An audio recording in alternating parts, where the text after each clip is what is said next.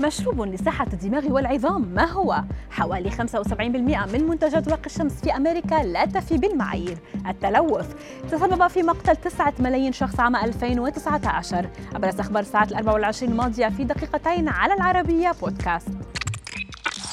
يشتهر الحليب بأنه يساعد على الحفاظ على صحة العظام وعلى الرغم من صحة معلومة أن الكالسيوم الموجود في الحليب هو لبنة مهمة لبناء العظام إلا أنه لا يعتبر المصدر الوحيد المهم عندما يتعلق الأمر بصحة العظام بل أن الحليب لا يعد بالضرورة الطريقة المثلى لاستهلاك الكالسيوم.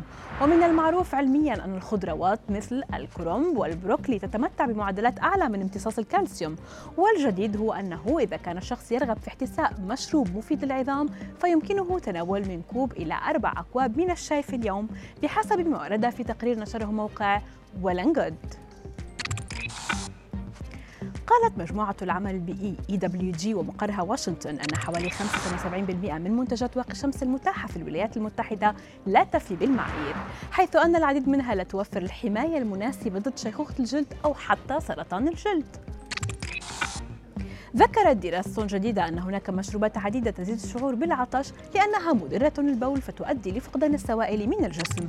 وهي المشروبات وفق الدراسة مشروبات الطاقة، المشروبات الغازية، القهوة، العصائر المحلى بالسكر وذلك وفقا لموقع This Not That